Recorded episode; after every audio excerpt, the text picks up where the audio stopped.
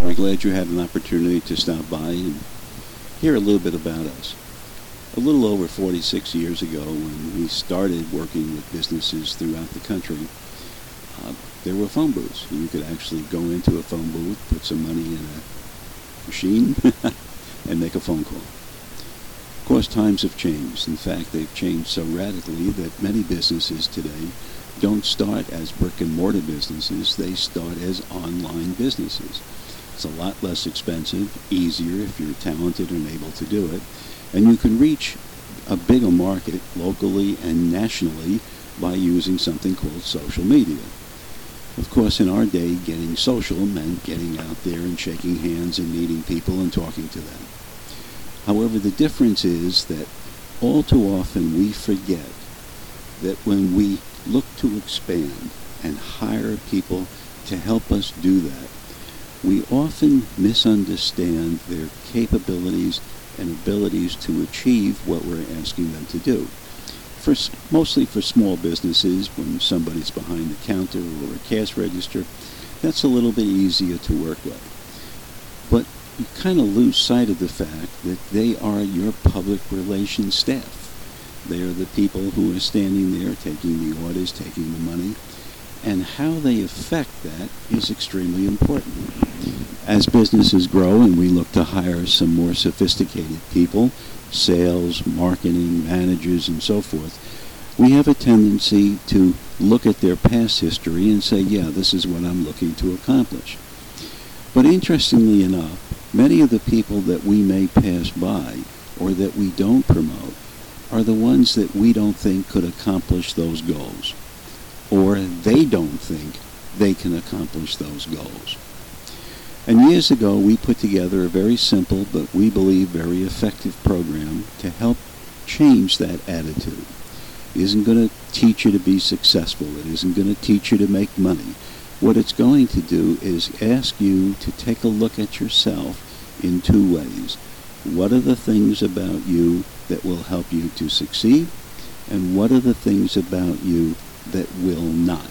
And what do you do about it?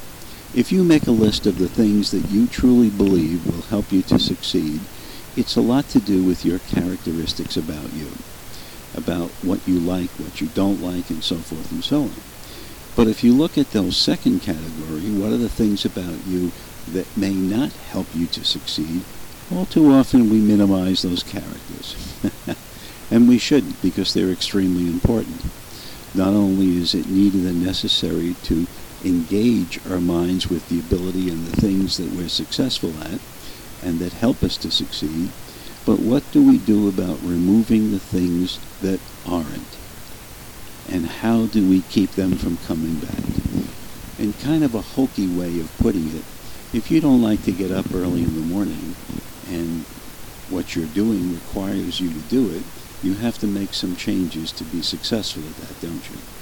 If you don't like meeting people in person, of course, today you can Zoom people, you can telemarket them, you can do a hundred other things instead of seeing them. But eventually you're going to have to see someone sometime. Now, a lot of these things kind of make sense, and some of them to people won't. But the program is very successful in that it doesn't ask you to do anything outside of your characteristics. It just asks you to take a look at the things about you that will succeed and that will hurt you and how to change that so that you can remove the negative stuff and concentrate on the positive stuff. It's not a very difficult program. It doesn't take much time away from anything whatsoever. You can do it probably in about a half hour and 45 minutes a day, and in about three to five days you're probably done. But when you look back and you start answering some of the questions that we ask you, all too often you either fluff it or you don't. And that's where the three keys come in. Honesty, integrity, and sincerity. These are three keys that we believe are important to anyone in business today, as in life, to succeed. Of course, one of the most important words that an employee and an employer have together is trust. That trust is extremely important. That will carry you through the bad times and aid you in the good times. So if you would, ask us some questions. Take a look. Go to our website. Uh, go to businesstoday2021.square.site and see what you think. We're going to be putting some programs and information on what's called marketing, but if you go to the site, you'll get the address for that. So thank you very much, and have a good one.